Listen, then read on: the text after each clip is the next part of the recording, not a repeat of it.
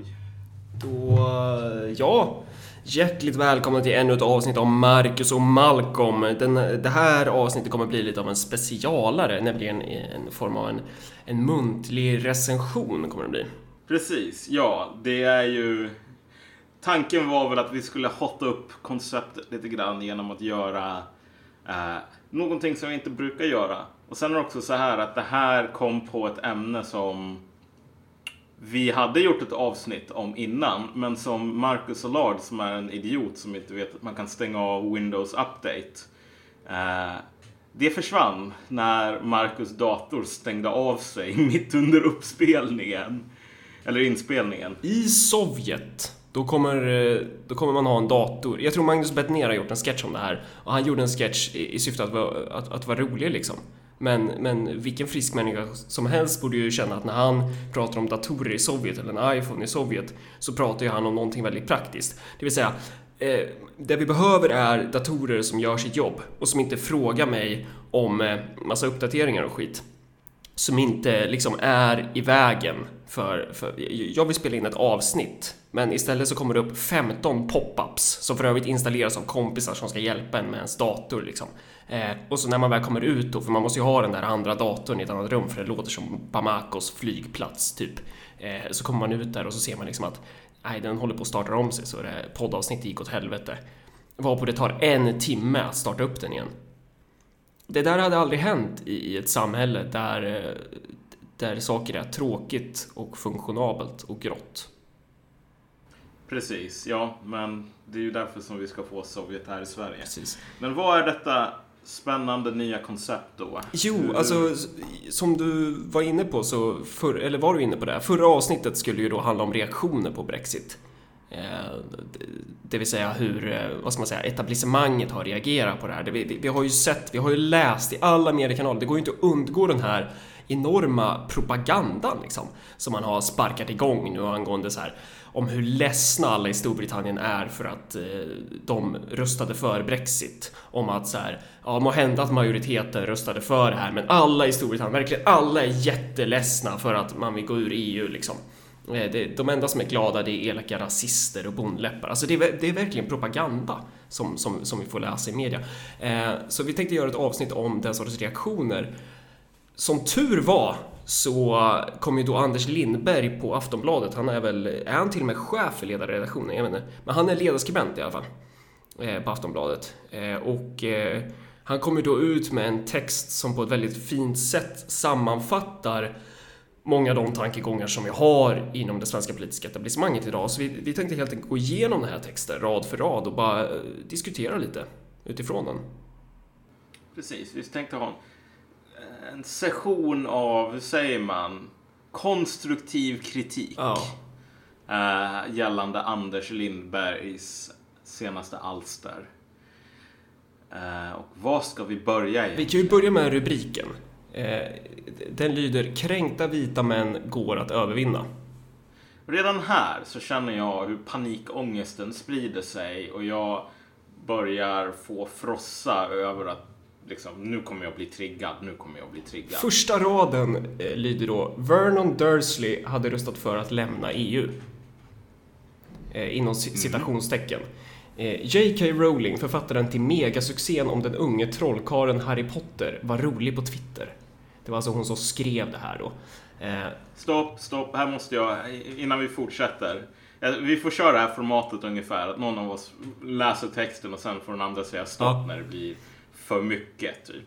Men här, vad har J.K. Rowling med politik att göra egentligen? Det är väldigt fascinerande hur, hur för människor som Anders Lindberg, för en viss sektion av Twitter-Illuminati idag, så har hyllas J.K. Rowling som den moderna motsvarigheten till, jag vet inte vad, Arnold Toynbee eller någon sådan. Liksom.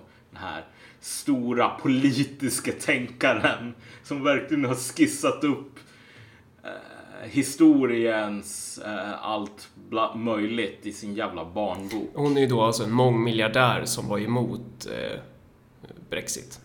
Skott också. Jaha du.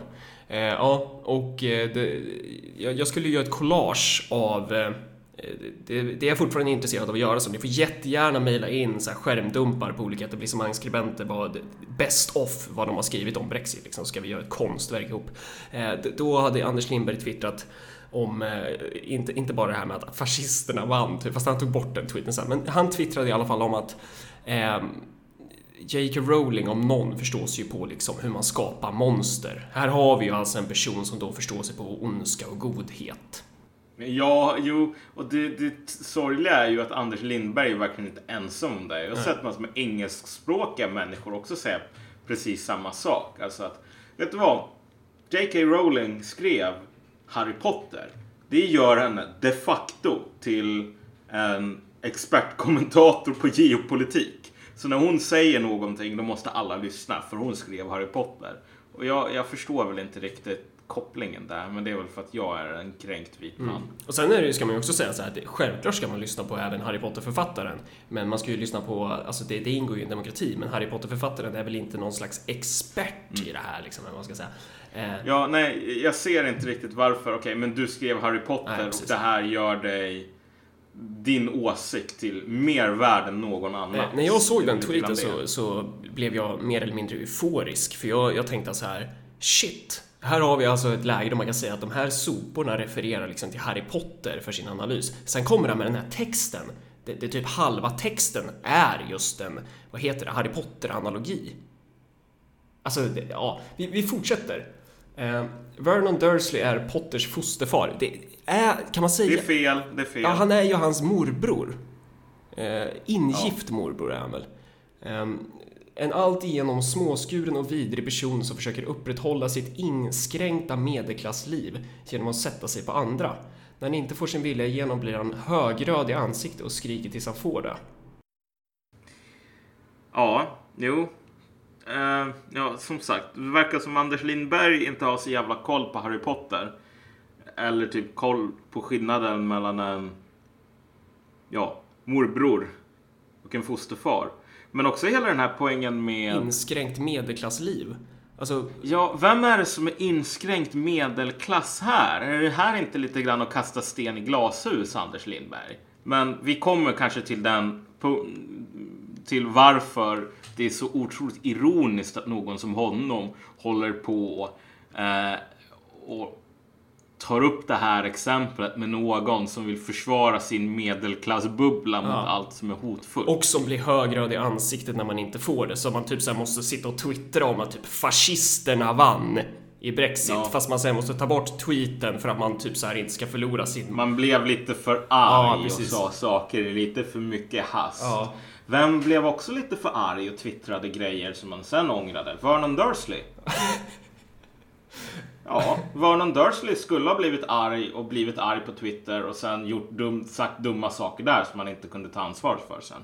Eh, hur som helst, Anders Lindberg fortsätter angående Vernon Dursley. På midsommarnatten tog han hem segern i den brittiska folkomröstningen. Eh, I USA hade han röstat på Donald Trump för att bygga den där muren mot Mexiko. I Sverige på Jimmy Åkesson och i Frankrike på Marine Le Pen. Uff, ja, jo. Var börjar man här egentligen? Ja, men det är väl bara att konstatera liksom att vi då har en karaktär, Vernon Dursley här då, som skulle ha röstat på Trump, eh, Jimmy och Le Pen samtidigt då. Ja, precis. Och varför, varför just de här figurerna? Jo, för att de är onda. Mm. Och Vernon Dursley är också ond. Mm, mm. Och vidrig. Det är ju det, det är ju egentligen det som förenar alla de här människorna. Alltså ser man, ser man rent konkret på typ Donald Trump och Jimmy Åkesson så är det här i realiteten ganska annorlunda fenomen. Ja, och verkligen Le Pen också. Olika, liksom. Det är ja, helt... Uh... Ja, det går inte att säga men de här är som liksom Mario och Luigi skurna från samma mall. Donald Trump är en jävla kasinomiljardär. Jimmy Åkesson är typ före detta nazist. Men det enda, den enda röda tråden här, eller den bruna tråden, det är ju att de är som Vernon Dursley. Ja. De är onda och vidriga och småskurna. Eh, han fortsätter. Någon statsvetare borde förmodligen fundera över hur det egentligen gick till när den arge vita mannen klev ut från tidningarnas kommentarsfält och erövrade platsen som agendasättare i västvärldens politik. Ja, eh,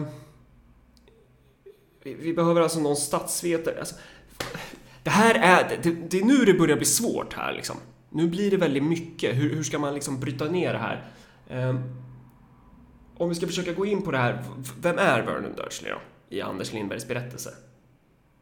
Ja. Det, alltså, Vernon Dursley är ju en fiktiv karaktär.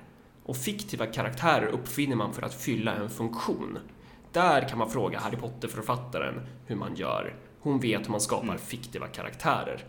Nej men alltså det finns ju en tele teleologisk dimension om man ska använda ett komplicerat ord. Alltså så här, ett, en dimension av syfte. Ja. En människa kan typ bygga en stol för att sitta på den.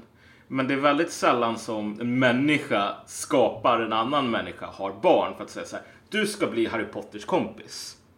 Liksom. Eller du ska bli den här personen som gör den här grejen i den här berättelsen. Alltså, för människor, de existerar ju inte som tvådimensionella figurer så. Och en människas roll är ju i slutändan aldrig att vara ond eller god eller snäll eller elak eller en hjälte eller en bov. Alltså, vi är människor. Det han säger här är också så här att de här... När den arge vite mannen klev ut från tidningens kommentarsfält.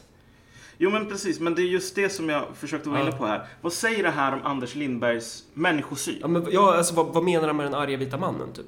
Ja, Ja. precis. Alltså vad... Den arge vita mannen för Lindberg är ju en figur av, precis som Vernon Dudley, en, en, en figur som är vidrig, småskuren och så vidare, bara för att egentligen. Det finns ju ingen som helst intresse, nyfikenhet på typ varför. Och läser man en bok, det var väl här du som var inne på, Ja. om jag läser Harry Potter, då behöver jag aldrig fråga, men varför är Vernon Dudley så småskuren, Vernon vidrig, elak? Ja, Ja. Förlåt. Varför är Vernon Dursley så elak? Jag behöver aldrig ställa den frågan. Därför att om Vernon Dursley inte var elak så skulle inte historien hålla ihop. Han måste vara elak för att berättelsen som Rowling vill berätta ska funka. Det är hans funktion. Och när Lindberg börjar tala om människor på samma vis, då ser vi alltså en djupt grotesk, inhuman människosyn Ja. liksom, i slutändan. Alltså, det är lätt att dra på för höga växlar här. Men om du tänker dig, hur talade man i London om folk i Afrika under imperiets, eller folk i Indien under imperiets liksom, glansdagar? Precis på samma sätt. Indien var inte en levande tänkande människa. Indien var en figur som var tvungen att tuktas eller utnyttjas eller utbildas eller vad det nu kunde vara. Men det var en figur, det var inte en människa. Men den här mytiska, eh, liksom, den här mytiska bilden, den här orchen, den här fiktiva karaktären, de fiktiva karaktärerna och de vita männen, de, de har i alla fall, de har sprungit från tidningarnas kommentarsfält och sen har de dessutom blivit agendasättare i västvärldens politik. Men vad i hela friden är det här för politisk analys till att börja med egentligen? Så här, är kommentarsfältet på en tidning någon sorts liksom alien incubation chamber? Som i, du vet i Jurassic Park, det här rummet där man tar fram alla dinosaurierna. Är det det som man menar att okej, liksom, Ja, men- någon tog fram de här Inte nog med Onda det, männen. utan också det här med att de har blivit agendasättare i västvärlden. Men var, Ja. var, om, om de var agendasättare, alltså han får ju nästan låta som att de här kommer, att de håller på att ta över typ. Ja, Det gör de väl inte? Och om de nu gjorde det, vad är det de är arga på då? ja. Ja, Men precis. Alltså, ja, Men- hur som helst, vi, vi, vi, vi, fortsätter. Ja, vi, vi gör det innan jag får en jävla Ja, hjärnblödning. du, vi, är, vi är ju inte Ja, klara vi har inte ens kommit... Nej. Nej, precis. Förr talar man ofta om att val vanns i den politiska mitten, där marginalväljarna fanns. De som kunde tänka sig rösta både höger eller vänster. Idag jagar både socialdemokrater och moderater Vernon Dursleys röst och de lyckas bra. Okej, okej. Och här kan alltså. väl... Ja. Eh, ett så här, förr. När då förr? Me- Menar han liksom 1920-talet eller menar han 1997, typ? ja. Alltså, förr i tiden så röstade arbetare på sitt parti. Arbetarna röstade på något av arbetarpartierna. Bönderna röstade på bondepartiet. Borgare röstade på typ Liberalerna eller om man var av en annan sort så röstade man på de konservativa liksom. Det, var, det, var, det här var folkrörelsebaserade partier. Men det är först egentligen i det här stycket som vi börjar se så här, vad Lindberg är för en sorts person. För, för det första är han ju otroligt okunnig, precis som du säger. Ja. Hela den här idén om att ett partis roll är att jaga mittenväljare, de som är lite så här lätt och lagom. Den kom ju med Bill Clinton och Tony Blair som galjonsfigurer. Det var fan inte förr. Det var på den tiden som jag satt och spelade typ Super Mario. Det var inte så jävla länge sedan. Ehm, och innan dess, precis som du säger, så hade man en ganska annorlunda syn. Så att det, det, det, det, den gamla goda tiden som Lindberg tror är den gamla goda tiden är ju inte det. Nej. Men eftersom han är så jävla okunnig så fattar han inte hur konstigt det som han säger faktiskt är och hur verklighetsfaktaresistent Och han i sen själva fortsätter han ju är. där med att både socialdemokrater och moderater jagar Vernon Dursleys röst. Ja. Plus att de lyckas bra. Men, men, men här går inte, alltså går det verkligen ihop med det som man sa här innan då? då? Att Vernon Dursley hade röstat på Trump, Åkesson eller Le Pen? Nej, det gör det inte. Det går inte ens ihop det med det Anders Lindberg säger själv sker. Men det går inte ihop med verkligheten heller. Därför att, ja men, Tories, Ja. Labour, var de för Brexit? Nej, det var de inte. Okej, det fanns delar inom Tories och vissa delar inom Labour som var liksom för Brexit. Men den majoriteten, de som hade alla pengar och mer eller mindre allt utrymme, var ju för Remain. Sossarna är inte för ett svenskt utträde ur EU. Moderaterna är inte för ett svenskt utträde ur EU. Men återigen, även om man då skulle svara som argument då att ah, men det är inte det jag menar utan det jag menar är att Socialdemokraterna och Moderaterna har anpassat sig till typ SD-väljarna, de här mytiska människorna, som ju typ är samma sak som hans idé om Vernon Dursley här då. Samma mytiska kategori typ. Eh, att sossar och moderater typ lyckas få de väljarna, det stämmer ju inte heller. Tvärtom. Det går ju skitdåligt för de här etablerade partierna liksom. Ja, ja precis. V- Vadå lyckas få Vernon Dursleys röst? Alltså det går ju, inte ens där går det ihop. Ehm, och sen nästa stycke här då. Jublet visste inga gränser när SCBs stora mätning presenterades i maj. Då både LO-medlemmar och gamla moderatväljare började återvända från SD till sina vanliga partier. Här rycker man bara på axlarna liksom. Jublet hos vem då? Ja. Här har vi alltså, han hävdar att alla partier jagar Dursleys röst. Men det är ju typ samma karaktär som de här partierna hatar. Är det inte så? Ja, men sen när de slutar vara Dudley Ja. eller Dursley, sorry. Varför säger jag Dudley? Det är hans son ju. Ja, just det. Fan. Ehm, när de slutar hata Dursley kommer han tillbaks, men sen så blir det jobbigt därför att, ja, har han verkligen kommit tillbaks? Ja. Och sen är ju frågan så här, vilka är det egentligen som jublade alltså? Vilka var det som jublade när, när de här väljarna återvände till deras, eh, vad ska man säga, ska, ska man uttrycka det så här? När undersåtarna återvände till de underhus som de tillhör liksom. Var det då partiledningen de här förra partierna eller var det kanske rent utav Anders Lindbergs fru, Åsa Westlund, som är EU-parlamentariker för Socialdemokraterna, som satt och jublade? Ja, jo men precis. Det är, och det är ju också lite grann av en, eh, apropå, och någon som lever i en jävla inskränkt medelklassbubbla. Och som blir högröd i ansiktet när man inte får som man vill. Ja, precis. Är det verkligen så att han talar för folket ute i stugorna som jublade över det här? Eller var det hans fru? Och är han inte riktigt kapabel att se skillnaden mellan den miljön som han vistas i och den miljön som andra människor tvingas leva i? Eller det som man lite elakt kan kalla för verkligheten. Och också det här bara, jublet visste inga gränser. Alltså. Ja, jo, precis. Men liksom, okej, om vi rör oss vidare i den här texten så kommer vi alltså till, det är självfallet positivt att de här undersåtarna återvänder till, till sina rättmätiga ägare. Men men vi måste nog fundera över vad, vad det gör med vår politiska kultur. De flesta väljare är nämligen inte kränkta vita män. De flesta blir inte högröda i ansiktet och skriker tills de får sin vilja igenom. Vad säger det här återigen om Anders Lindbergs människosyn? vad har han för bild av de som man håller på att klanka ner på? Återigen, låt mig påminna. Det var 52 procent av befolkningen som röstade för eh, utträde ur, ur EU i Storbritannien. Så att det inte en liten skara grupp som man tänker, som man talar om här. Men problemet som man kommer till här blir ju att, okej, okay, en gång i tiden så var svenska Dursleys, de var hos SD. Men nu kommer de tillbaka till sossarna och moderaterna, vilket är självfallet positivt därför att bönder ska ju tillbaka till sina ägare. Ja. Så. Men det som vi måste fundera på är vad det här gör med vår politiska kultur. Och implikationen här blir ju att, ja, nu när de här personerna har fått vara och grotta ner sig i sin egen vidrighet och medelklassighet och allt annat som är dåligt. Kan vi verkligen ha dem i möblerade rum?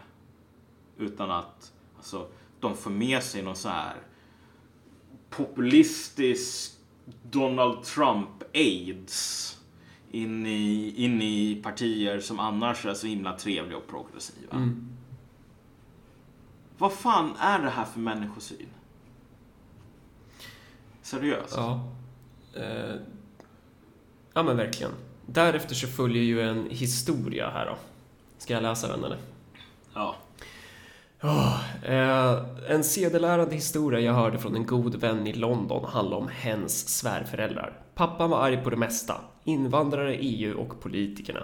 Han röstade för att lämna EU och berättade gärna för alla som ville höra på. När han var i rummet höll hans fru lite hummande med honom, men på tu man hand var hon långt ifrån säker. Hon funderade mer på hushållets ekonomi än på invandring och pratade om barnens möjligheter att resa och jobba utomlands. Hur hon till slut röstade vet jag inte, men vilka partier bryr sig egentligen om henne och hennes funderingar? Här har vi alltså, här, här har vi den där, den där anekdoten, vad säger den? Den säger så här. Dumma, elaka människor, de röstade på Brexit. Men eh, de snälla som, som bryr sig om barnen, som vi ska ha sympati med, de, de, de goda, de röstar emot Brexit. Precis, och märk också hur alltså, hela den här anekdoten är kodad, vilket är mer eller mindre att det finns en implicit, eller till och med explicit bild av, ja men typ, slog han sin fru kanske, till och med? Det kanske han gjorde. Det var kanske för att han slog sin fru som han röstade på Brexit. Mm. Och det var kanske för att hon blev slagen. Eller i alla fall, du vet, det här patriarkala. Precis. Hon höll ju inte med sin man av egna åsikter utan det var ju för att han var förtryckare. Eh, och, och, att det här med att, inte, att man inte har frågat henne rakt, vad röstade du på? Det har ju också att göra med att det är, hon är ett offer. Precis, ja men det är verkligen det här. Okej, okay. det, det, det är de hjärtesträngarna som, som Lindberg försöker spela mm. på här.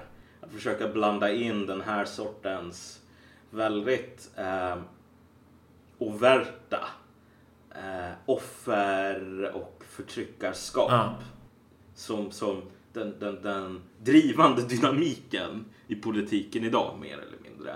Och det är ju ganska tveksamt måste jag nog säga. Med tanke på att jag tror inte att män var, så vitt jag vet var inte män så överrepresenterade eller överrepresenterade alls nu kommer jag inte ihåg siffrorna i huvudet, men det var verkligen inte så. Typ, alla män röstade för Brexit medan en stor eh, andel kvinnor röstade för Bremain. Mm.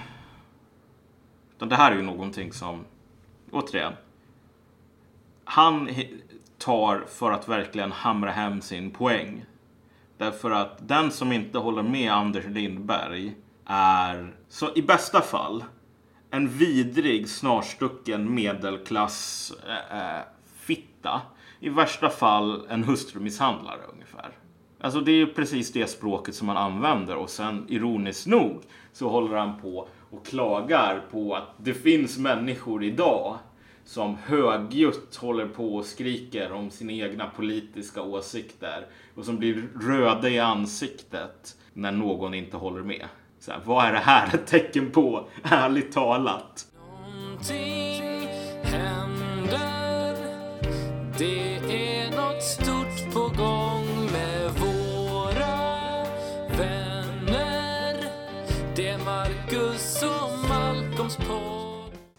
Men det är värt att fundera. Låt oss besvara den här otroligt klumpiga retoriska frågan som Anders Lindberg ställer. Vilka partier bryr sig egentligen om henne och hennes värderingar?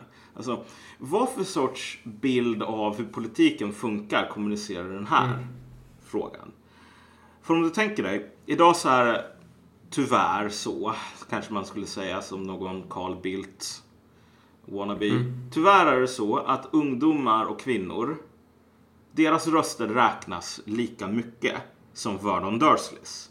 Vernon Dursley får inte något sånt där guldpläterat jävla röstkort. Där någon säger, men här är det Vernon Dursley som har röstat. 100 000 röster är det här röstkortet värt.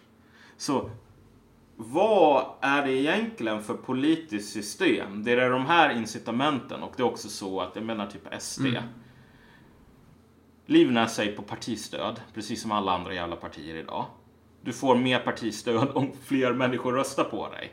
Så här. I vilken värld skulle någon som Jimmy Åkesson inte vilja ha kvinnor som röstar på Jimmy Åkesson? Alltså, så funkar hela den här berättelsens logik som man försöker måla upp egentligen. Att det finns en konspiration för att marginalisera ungdomar och se till så att det bara en liten, liten del av röstskaran som tas tillvara på. Medan man säger så här, ja men vet du vad, jag lämnar 70% av rösterna till Vänsterpartiet. Mm. Men om vi fortsätter då. Problemet med ett politiskt samtal som utgår från en grupp som egentligen är ganska extrem är att både politiken och retoriken blir därefter. Är inte det typ så här eh, representativ demokrati? Det vill säga att typ politikerna ska typ så fungera som representanter och så röstar de väljare på de politikerna som känner sig att de här politikerna då representerar oss liksom. Alltså, ja och nej. Kolla.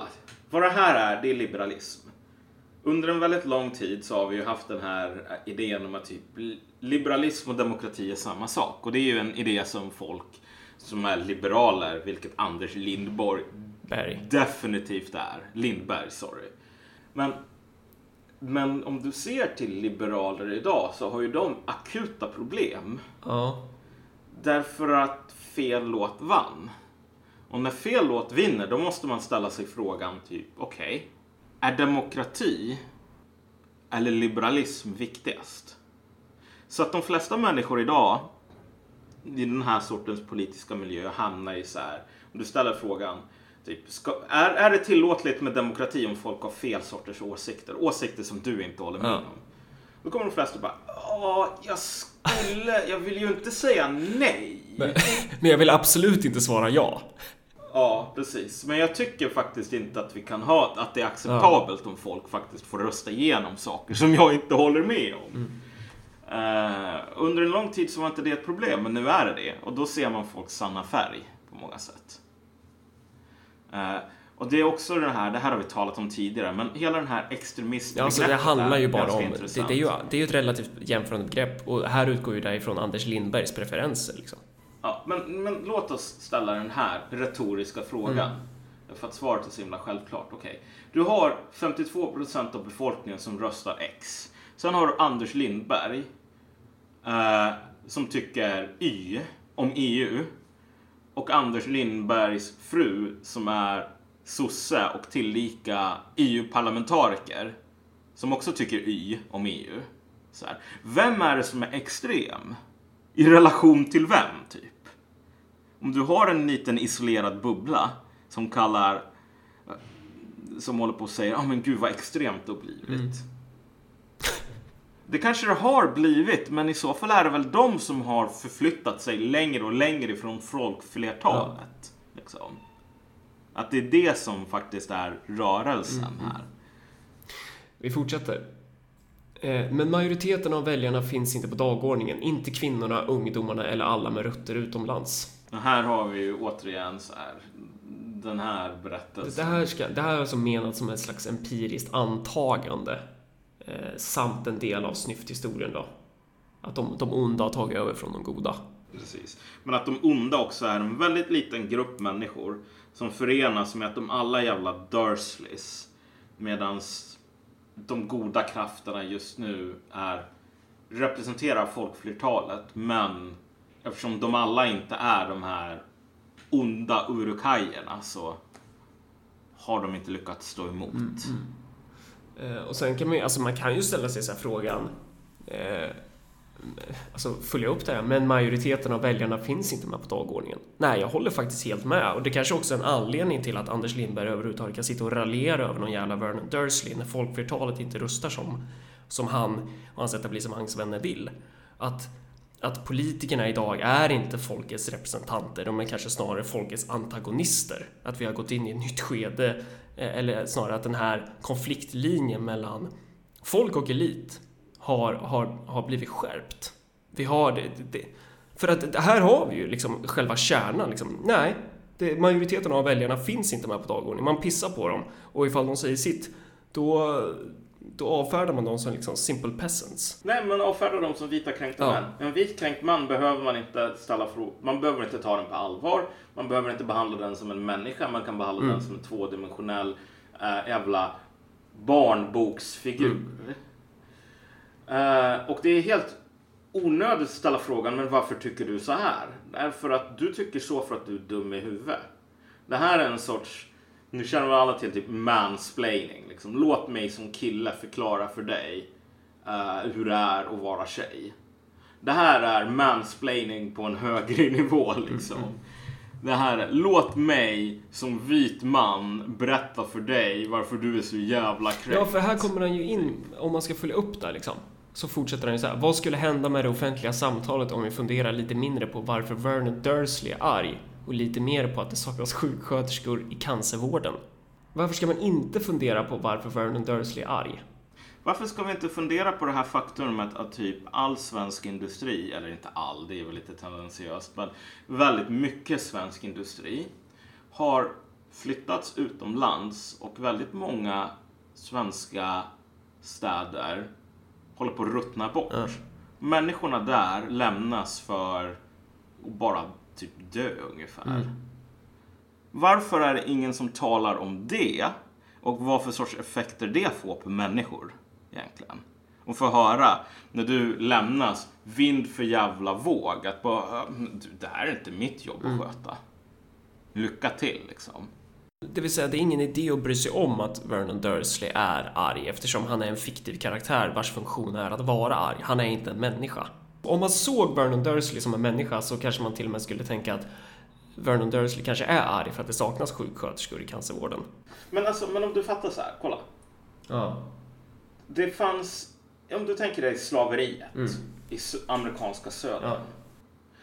De diskussionerna som man förde om slavar, det var så här, hur ska vi förstå den svarta, liksom, svarta djuret, Ja. typ. Människa var de väl inte så här.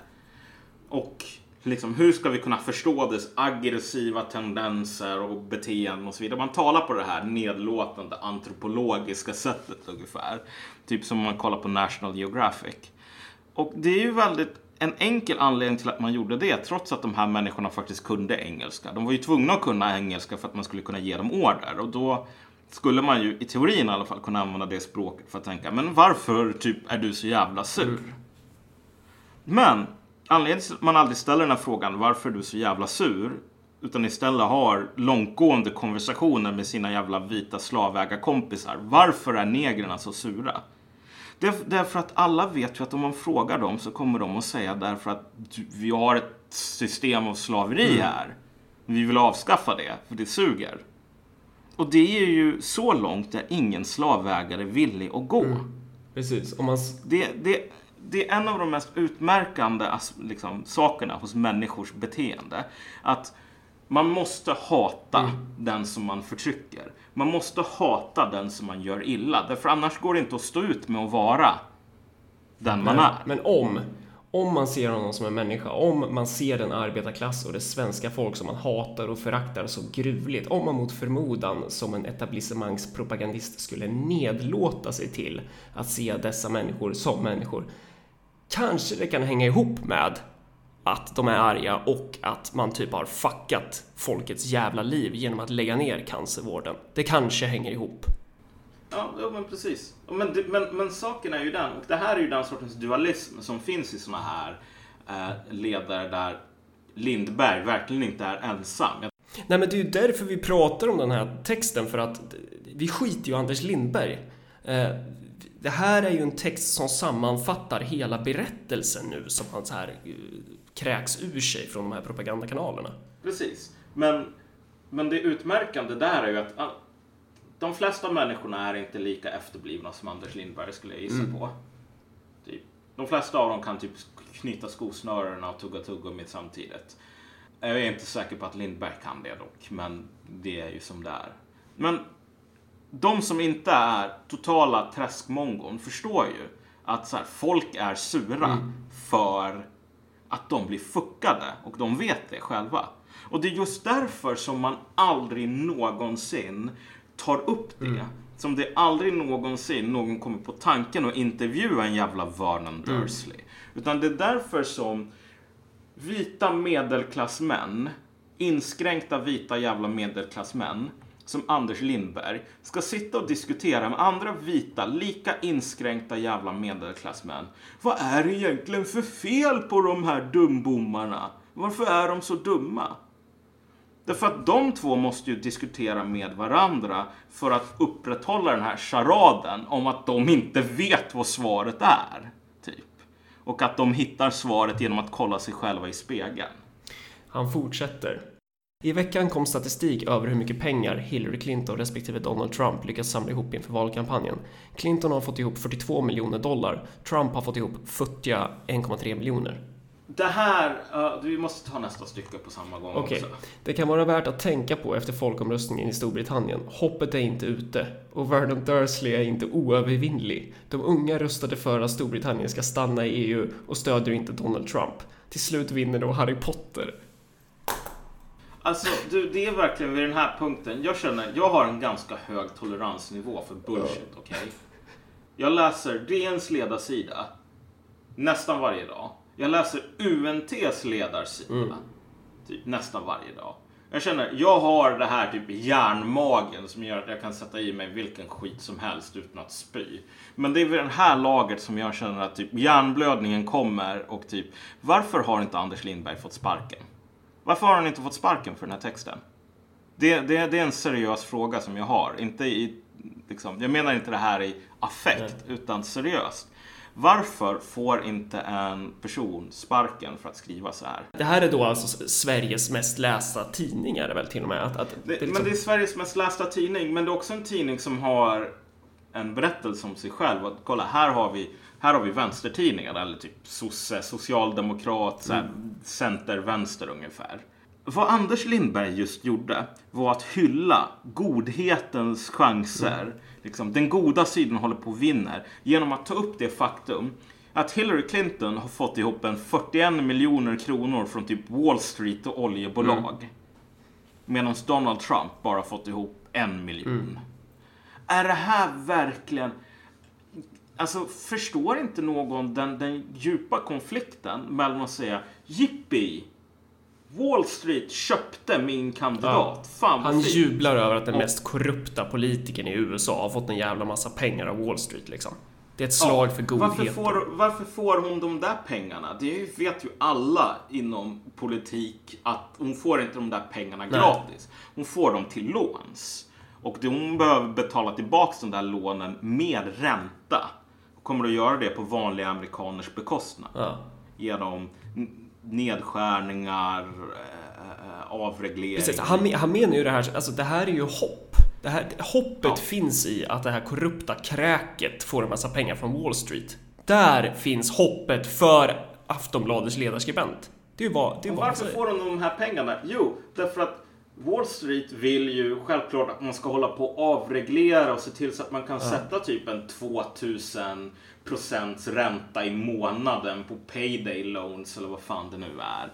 Alltså, förstår inte någon av Aftonbladets ägare att hur det här ser ut? Typ. Sorry, men om jag hade en jävla tidning och någon började skriva Jag älskar Hitler. Jag tycker Hitler är den som har bidragit mest positivt någonsin till Europas historia. Då skulle jag känna så här, ja vet du vad? det här är inte så jävla bra Alltså- att någon håller på och skriver. Det är konflikt med typ lite grann uppdrag. Det, an, Du, du får nog skriva det här någon annanstans. Liksom. Anders Lindberg har ju tidigare skrivit om bland annat mig när jag drog en tweet angående Ja. Hitler och Löfvens eh, liksom, att båda gillar korporativism, typ. Utan att därmed säga att Löfven är nazist, typ. Och då tyckte eh, Anders Lindberg, han skrev någon skit om det. Och så kommer du här och jämför liksom Hillary Clinton, hoppet, Malcolm. Ledarskribentens hopp jämfört med Adolf Hitler. Nej, det gör jag inte. Jag ville ju bara peka på att så här, det är väldigt genom det mest Ja, enkla ja, jag förstår. någonsin. Om du har en tidning och någon säger jag älskar Hitler. Din tidnings uppdrag inte är att hylla Hitler. Då har du Då har man ett problem. a difference of opinion. Ja. Liksom. Men eh, hur som helst, hoppet ligger alltså i det här jävla Hillary Clinton då. då. Okej. Eh, Ja. Och det bevisar då att Vernon Dursley är inte oövervinnlig, tydligen.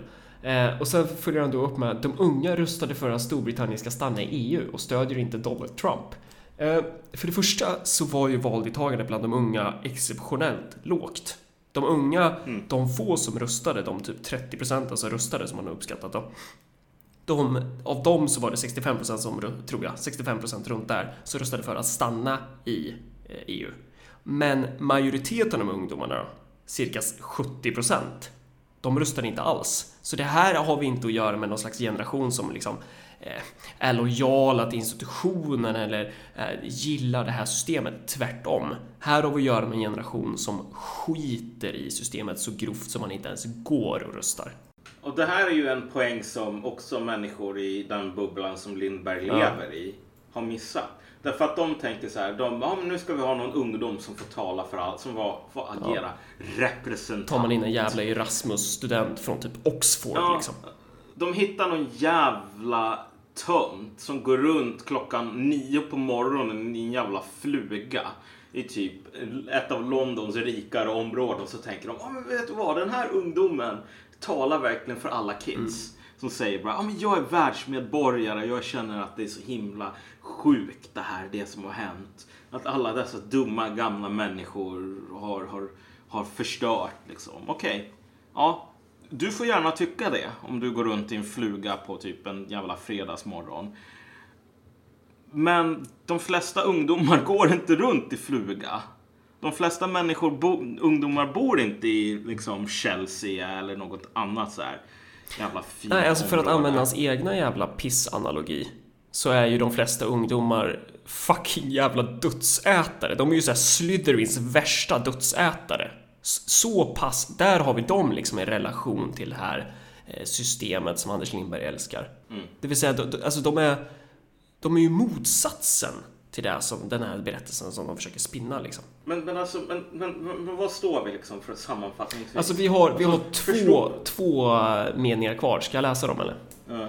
De lyder Ja. så här. Till slut vinner nog Harry Potter. Även om det just nu känns som att det kan behövas en smula magi. Alltså, men, men typ, vad har vi harvat igenom här? Okej, först är hela den här... Okej, vi börjar med den här fina så här, J.K. Rowling, barnboks... Liksom, det, det, det är min guide till allt som händer. Och sen så kom vi in på det här, alla människor som inte håller med mig är dumma idioter som borde dö därför att de är antagligen hustrumisshandlare och det är bara män som röstar, det är bara vita kränkta män. Och så här, och så slutar vi. Kronan på verket är typ Hillary Clinton har fått 41, miljard, 41 miljoner dollar av Wall Street. Halleluja! Nu vinner rättvisan snart.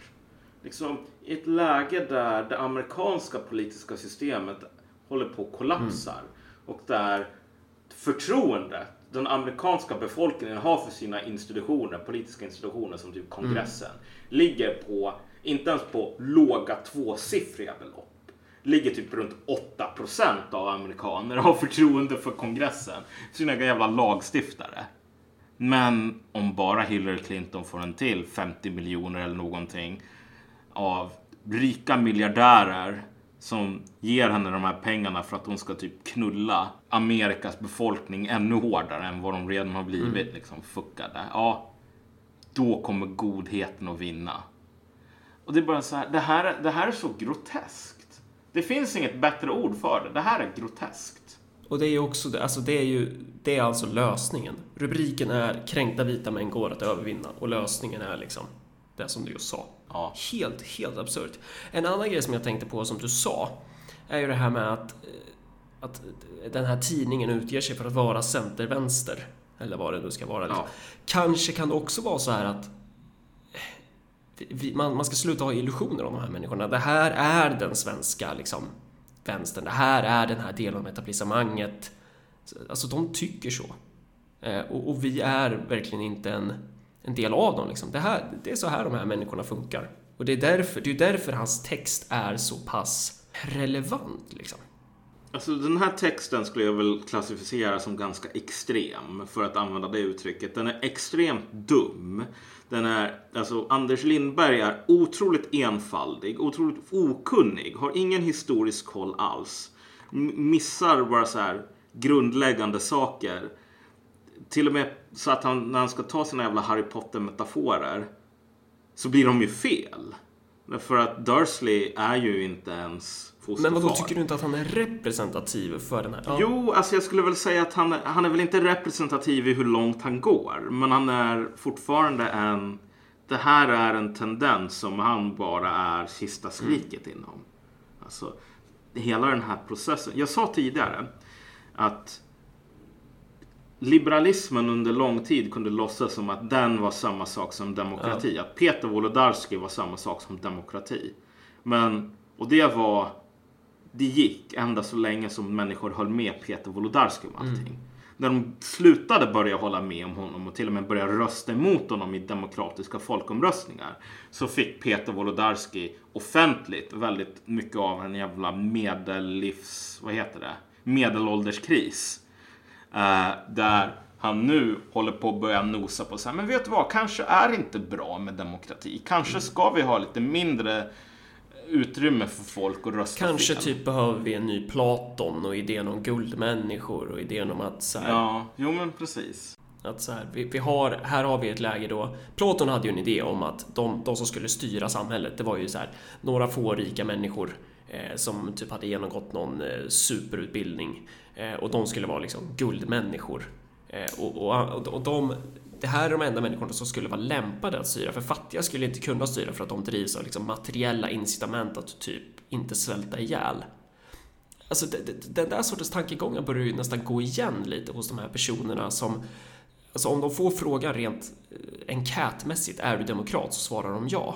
Men om du ställer en massa frågor om, frågor om vad de tycker, om du ställer det här till dess spets, så är de som Platon. De är inte demokrater. De, de vill att deras lilla bubbla, deras lilla skikt ska styra det här samhället och de ser på majoriteten av befolkningen som Vernon Dursley eller som personer som helt enkelt inte är kapabla att eh, att styra samhället och som absolut inte ska göra det. Ironiska är ju bara hur jävla rosenrasande och röda i ansiktet de Ja. blir. Om någon kommer och mopsar sig och inte håller med och inte röstar Mm. rätt. Det är ju det riktigt sorgliga här i sammanhanget. Men jo, du har helt rätt. Ehm, Den här sortens tankegångar börjar vi se Mm. nu. Liksom. Att ja, men vet du vad? Teknokrater, experter, eliter. Vi är ju faktiskt eliter och det ska vi vara stolta över för att vi är de som är smartast och Mm. bäst. Det är så de tänker jag. Det är så de tänker och det är precis så som Anders Lindberg tänker. Och det, det sorgliga här är väl inte att jag har någon sorts större tilltro till Aftonbladets ledarsida. Men, men, men för det är så här, kolla. Idag är i praktiken så att Katrin Marsall, som är presidenten för typ universums största fanclub av Tony Blair, liksom, eh, är den minst dåliga ledarskribenten på Aftonbladet. Le- Aftonbladets ledarsida får honom att tänka så här, hmm, vet du vad? Jag vill, nu, nu är jag trött på det här. Jag skulle vilja ha lite så här st- intellektuell stimulans och ärlighet. Jag öppnar Svenska Dagbladet och läser deras ledarsida. För där kommer jag i alla fall inte att få massor med bullshit kastad i ansiktet Katrin mig. Marsall har ju verkligen gjort en raketkarriär till att bli den minst sämsta ledarskribenten alltså. Ja, på Aftonbladet. precis. Alltså Fredrik Virtanen och Lindblad har ju kört över henne totalt. Lindberg, sorry. Jag är jag tycker att den frågan som man bör ställa sig, och det här är faktiskt inte en retorisk fråga, för jag har inte svaret förhand. Det är bara, är Lindberg kanske den dummaste människan i Sverige? Med de mest äckliga åsikterna och det mest blatanta människoföraktet liksom, på någon ledarsida. Alltså är han det för att han är ond på riktigt? Liksom? Att det, är, det finns någon illvilja här? Eller är det där bara en person som tänker okej, okay, jag får en krona tecknet eller vad det nu är, the going rate. Så nu skriver jag en 3000 tecken på liksom en 30 minuter eller någonting och så får det väl bli som det blir. Ja. Liksom, faktiskt, I'm about to get paid. Liksom. Jag vet inte vilket av de här alternativen som är sant och jag vet inte vilket som är värst. Men det säger fan en hel del när vänsterpositionen på något sätt blir, ja, jag avskyr alla människor som inte är typ EU-parlamentariker.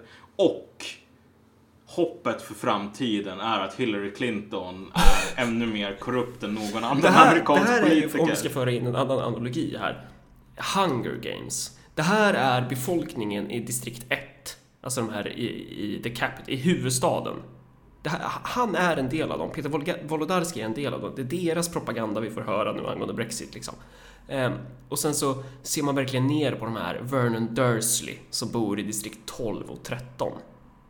Där har vi en bättre analogi alltså. Ja, men alltså vet du vad? Och det är i slutändan, det här måste jag faktiskt säga, det är ganska elakt att säga att typ Anders Lindberg eh, är typ tecken på vänsterns förfall eller något sådant. Anders Lindberg är en jävla jubelidiot och man ska inte beskylla vänstern för... Vänstern ska inte behöva ta ansvar för honom. Men det tråkiga är ju att de här tendenserna finns i en mindre extrem form hos väldigt många. Om du läser ETC eller något sådant. Jag, jag tycker verkligen att han är en perfekt... Här har vi ett ansikte på dagens svenska vänster. För att jag ser inget annat. Det här är ju, alltså återigen, folk kanske inte ger samma uttryck för det här, men det går ju i typ samma riktning. Alltså... Ja, ja, jag skulle ja. väl säga det. Samma riktning finns, men alltså folk är inte riktigt de här fantasimongorna som Lind, Lindberg är Nej, än. inte än liksom. Kanske Men om man bara kan få självförverkliga sin identitet och, och, och, få vara sig själv lite grann så kanske man en dag kan göra en karriär som ledarskribent på Aftonbladet och bli precis som Anders Lindberg. Ja. Herregud, alltså finns det ingen mer kompetent människa i det här jävla avlånga landet lätt och lagom om du ska skriva sånt här. Nu menar jag inte ta in mig. Jag skulle aldrig vilja bli en jävla ledarskribent. Herregud. Men, men går det inte att hitta någon som är lite mindre kass? Jag menar Aftonbladet har ganska mycket ekonomiska problem sist jag kollade. Jag tänker typ Stefan och Christer. Ja men precis, alltså vem som helst. Magnus Bettner. Ta bara någon jävel. Alltså, ta en jävla dresserad schimpans som typ kastar dartpilar på random meningar. Och du kommer nog att få en bättre ledarskribent än den här jävla jubelidioten. Men det är väl lite, det får man väl inte säga i det här jävla PK-landet längre. ja, vad fan, är vi klara där eller? Ja, det tror jag. Okej, okay, ja. det blev alltså typ en timme långt när vi skulle recensera den här texten. Eh, Såvida jag inte lyckas klippa ner det till, mm. till, till kortare då. Jag... Men om man gillar det här avsnittet, vill du säga något mer? Ja, jag tänkte bara säga så här. Eh, nu när du sa om man gillar det här avsnittet. Ja. Eh, om det finns intresse, om folk swishar in tillräckligt mycket pengar för att vi ska båda ha råd med en jävla gedigen magpump. Då kanske vi kör något så här eh, jubileumsavsnitt i nästa jul eller någonting där vi sitter och läser igenom olika kolumner skrivna av Katrin Marsall och Fredrik Virtanen. En så här drinking game from hell. Ta en shot varje gång någon skriver någonting dumt. Fast det är ju, det, det, det skulle, vi skulle ju dö. Ja, precis. Men det här, det här är, det här är Gonzo Television liksom. Uh, så, ja. Vi får se. Om det finns intresse för det, swisha in pengar till en jävla magpump så ska vi se. Yes. Uh, ja. Okej, om ni gillar det ni lyssnade på så får ni jättegärna sprida det här avsnittet och eh, vad fan finns det mer att säga? Gilla oss på Facebook, följ oss på Twitter och så vidare. Ja. Ha det bra, på återseende.